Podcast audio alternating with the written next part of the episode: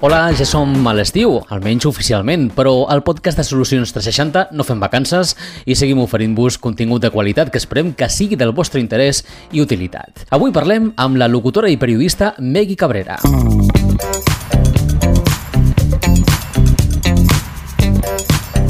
Megui Cabrera és una periodista maresmenca de 38 anys que actualment ofereix serveis de locució professionals des del seu propi estudi. Megui ha treballat a la ràdio, concretament a la cadena SER i també a algunes ràdios locals. Si escoltes atentament, segur que has sentit la seva veu en un munt d'anuncis de ràdio i televisió. Megui, benvinguda i gràcies per acceptar la nostra invitació. Moltíssimes gràcies a tu per convidar-me i, i salutacions a tota l'audiència del podcast. Escolta, tens una feina molt xula però alhora molt especialitzada. El teu públic objectiu té un perfil molt, molt concret. Com has plantejat la teva estratègia digital? En què es basa? Doncs mira, ara mateix estic publicant en el meu post, en el meu blog posts que poden interessar a productors audiovisuals i alhora a locutors que volen seguir aprofundint en tècniques de locució, especialment orientat en el món de la publicitat, del doblatge, de la locució audiovisual, etc. Llavors, tinc, per una banda, um, com et dic, articles que publico de forma regular a, a la web, al, al blog, tinc una presència més o menys constant a xarxes socials, explicant el que estic fent, donant um, consells, i també tinc eh, una línia de contacte amb, amb els meus clients eh, mitjançant l'email marketing. Els aviso de noves publicacions, de darreres feines que estic produint, de futurs projectes, etc etc. Així que, diguéssim que a grans trets, aquestes són les, les línies que tinc. Pel que he pogut veure, fas molt màrqueting de continguts, oi? Mm, tracto que tot el que publico sigui d'interès per la meva comunitat al final és una forma d'atracció de l'atenció de mm, la nostra audiència, o de la meva audiència en aquest cas, mm, que reté més. No? Si pots oferir un contingut interessant, mm, que la gent està esperant amb ganes, que, que sap que li trobarà una utilitat i, i que respon a criteris realment professionals, jo crec que, bé, diguéssim que l'atracció és, és, és més profunda, no? L'enamorament, diguéssim, de, de la teva audiència al, al teu blog o, o als teus continguts és més, és més directe. Així que sí, tracto de, de treballar en màrqueting de, de continguts, amb segons quines feines, fins i tot jo et diria màrqueting emocional, perquè quan estàs eh, compartint alguna feina recent que has fet, eh, sí que és veritat que algun productor eh, que està fent doncs, una falca, un vídeo, un spot, i escolta aquella veu o, o, o, eh, o ja et dic, o, o aquell vídeo eh, en el que jo he treballat en les darreres setmanes, segurament per una altra marca, per un altre producte, i sent que aquella forma d'explicar-ho és la que ell necessita per, per, per promocionar els seus productes i serveis, doncs en el fons també li està tocant el cor d'alguna forma, així que Sí, també diria que màrqueting emocional en certa forma. Per altra banda, has comprovat quines són les xarxes que millor et funcionen? La veritat és que mm, mesurar el retorn... Sí, sí, clar, sempre tens fórmules per, per veure les mètriques, el retorn... A, mi em resulta complicat perquè mm, no tinc, diguéssim, una estratègia per veure em, tal link Mm, o, o tal clic si acaba resultant amb un lead molt clar que acaba comprant després, en definitiva, els meus productes o serveis. Però sí que és veritat que la sola presència, el sol, el sol fet d'estar, de comunicar, de compartir coses, ja està establint una línia de comunicació molt directa que m'ajuda moltes vegades a, a, a, a, sí, a, a rebre més facilitat a poder al cap d'uns dies, potser al cap d'unes setmanes, un e-mail preguntant pels, pels serveis, no? o un missatge a través de les xarxes. No? És difícil mesurar mm, com un retuit acaba eh, responent o, o, o, eh, o, o connectant directament amb un projecte, no? una feina, amb, amb l'oferta d'un servei, però, però estic segura que ocorre perquè moltes vegades eh, hi ha molts clients que em, em diuen m'encanta el contingut que, que comparteixes, m'encanten els articles de, del, del blog. Aquests articles del blog de vegades són escrits i de vegades són en vídeo, per tant se'n veu, diguéssim, la cara, no? Eh, a través de, de YouTube els comparteixo. Llavors, clar, hi ha una connexió. Mm? Acabar-ho de traduir en números és complicat, no és impossible perquè hi ha moltes eines i moltes estratègies per acabar-ho de mesurar, però jo en aquest moment no ho estic centrant tant en el fet de comptabilitzar o, o, o veure un retorn eh, de dos i dos són quatre, sinó de crear una comunitat, no? crear un ambient, crear un magma, un, uns punts d'interès i uns punts de connexió, sobretot. I pel que fa a la publicitat online, quina és la teva experiència de la publicitat en xarxes i també a Google? Aviam, la meva experiència és que funcionen, sí, funcionen, generen uns resultats, hi han subscripcions, hi han descàrregues de productes o infoproductes que pugui generar per aquest objectiu, però la inversió és cara, és cara. Ja sigui a Google, ja sigui a Facebook, convertir un usuari de Facebook que s'ha descarregat un infoproducte en un client real mm, eh, és costós, no? i tots ho sabem. Eh, aparèixer a Google i eh, estar en les primeres posicions i que facin un clic i que porti els teus serveis també és car. Eh, llavors, per això m'he decantat eh, per combinar-ho amb la generació de màrqueting de continguts perquè en el fons crec que generes mm, moltes visites que ajuden a encantar o, o, o a agradar o, o a connectar molt més o molt millor amb, amb la teva audiència. Eh, és més econòmic, segurament serveix durant un període de temps determinat, perquè els algoritmes d'aquí i d'allà van, van modificant-se, van canviant, eh, s'ha de ser molt constant, s'ha de publicar molt sovint, s'ha de saber quines paraules clau li agraden a Google, per exemple, per posicionar amb, amb el seu, eh, els teus articles o les teves publicacions, però diguéssim que és una estratègia que considero mm, molt més interessant a, a mig i, i a llarg termini. No? I, de fet, és un contingut que sempre queda allà i que, tot i que, per exemple, avui no estigui en la primera posició, si algú interessat en algun contingut teu, o per alguna d'aquelles caramboles d'internet acaba la teva web, veu tot aquell contingut que ja tens publicat, en el fons penso que és un valor i és una forma de dir saps, mm, saps del que parles, ets un expert en la matèria, em pots ajudar, tens molts camins per ajudar-me, mm, ho veig eh, per totes aquestes publicacions que, que tens, ets un apassionat pel que fas. No?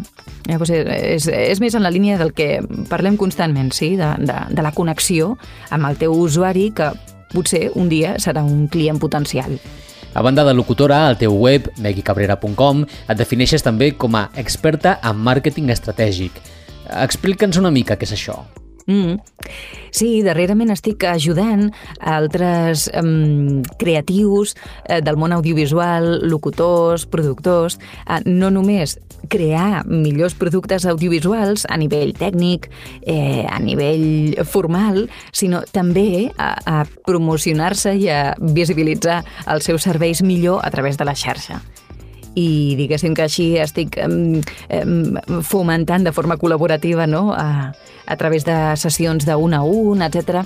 Um, eh, doncs que puguem millorar no només les produccions audiovisuals, i, sinó que molts de nosaltres que estem en aquest món puguem millorar els nostres negocis no? I, i, i el nostre lifestyle que tan en boca de tothom està darrerament. I parlant teu web, em consta que l'has fet en WordPress. Què destacaries d'aquesta plataforma? Com a usuària final que produeix la seva pròpia web amb WordPress, doncs um, et diria que um, permet organitzar de forma molt fàcil els continguts, les pàgines, eh, establir categories, els posts... Eh, és molt visual, m'ajuda molt també a compartir eh, darreres feines, amb, amb plugins per insertar vídeos, etc. Eh, i, i, I em sembla que tot aquest ordre que té en la banda de la creació de la web es transmet a l'hora de visitar la web.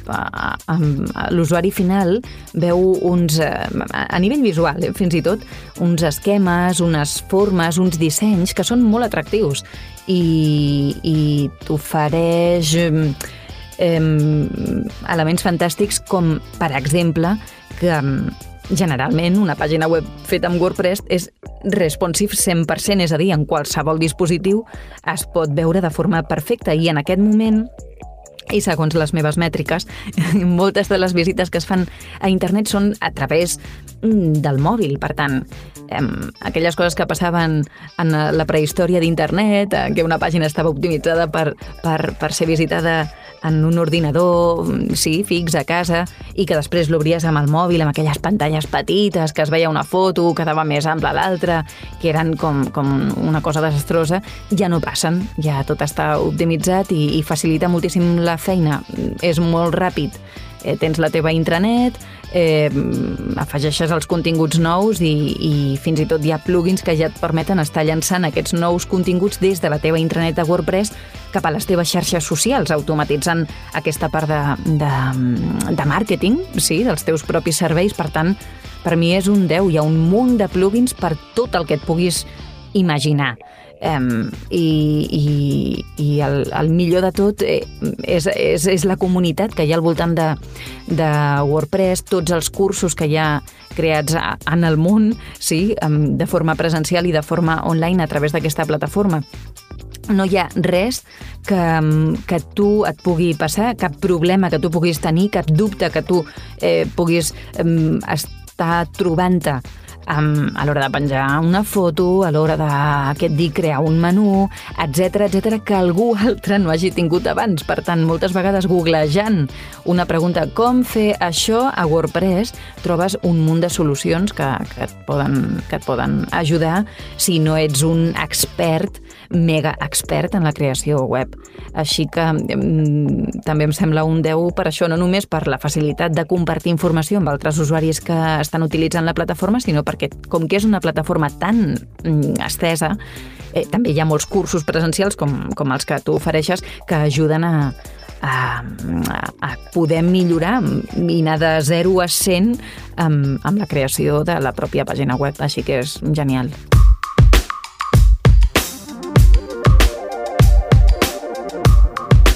Una vegada vaig llegir en un post teu que preferies gastar-te diners en un plugin o una plantilla que anar buscant solucions gratuïtes. Per què?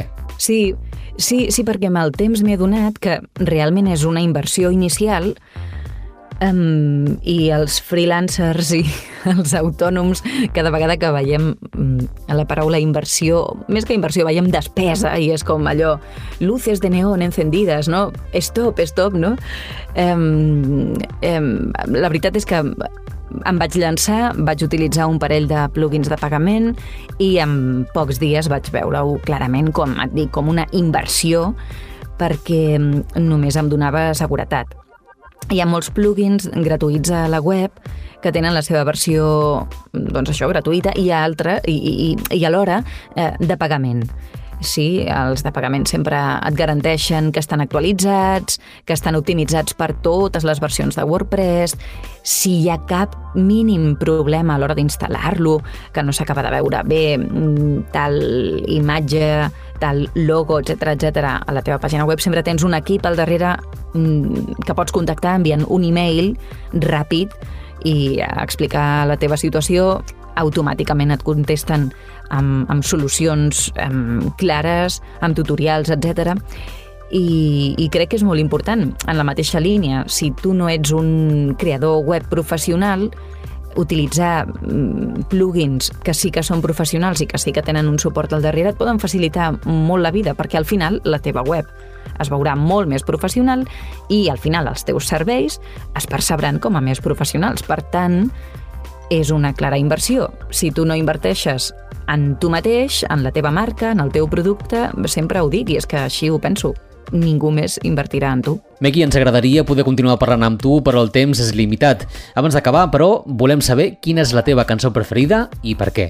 Ai, és que tinc moltes. Com que la meva trajectòria, la meva trajectòria en el món de, de la comunicació ve molt de lluny i realment va començar al món de la ràdio i, i va tenir una mm, llarga temporada en el món dels musicals, doncs tinc milions i una segurament per cada estat d'ànim. Però ara Eh, com que sóc mare, tinc un bebè petit, eh, bueno, un bebè que ja té gairebé dos anys, però, en fi, i és el meu petit tresor, i recordo que eh, jo ballava molt aquesta cançó quan tenia un panxot ben gran, fa gairebé un parell d'anys, doncs eh, crec que us deixarem aquesta, que és Treasure, Eh, sí, Treasure de Bruno Mars perquè m'encantifla, m'encanta, m'encanta ell i m'encanta el seu rotllo i em donava tan bon rotllo i li transmetia tan bon rotllo a la meva panxa que us vull transmetre tot aquest bon rotllo a vosaltres, a, a tot l'equip i, i a tots els oients perquè crec que és una bona fórmula d'escoltar en un moment baix música, utilitzar la musicoteràpia per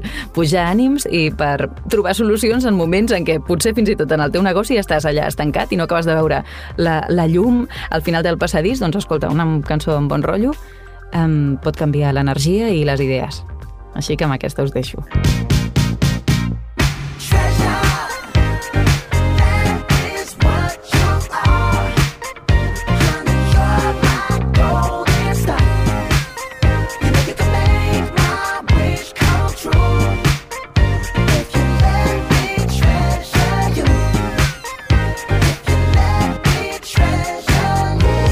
Molt bé, moltíssimes gràcies, Megui, i fins la propera. Fins ben aviat, molta sort i endavant amb el podcast, que és superinteressant. Una abraçada.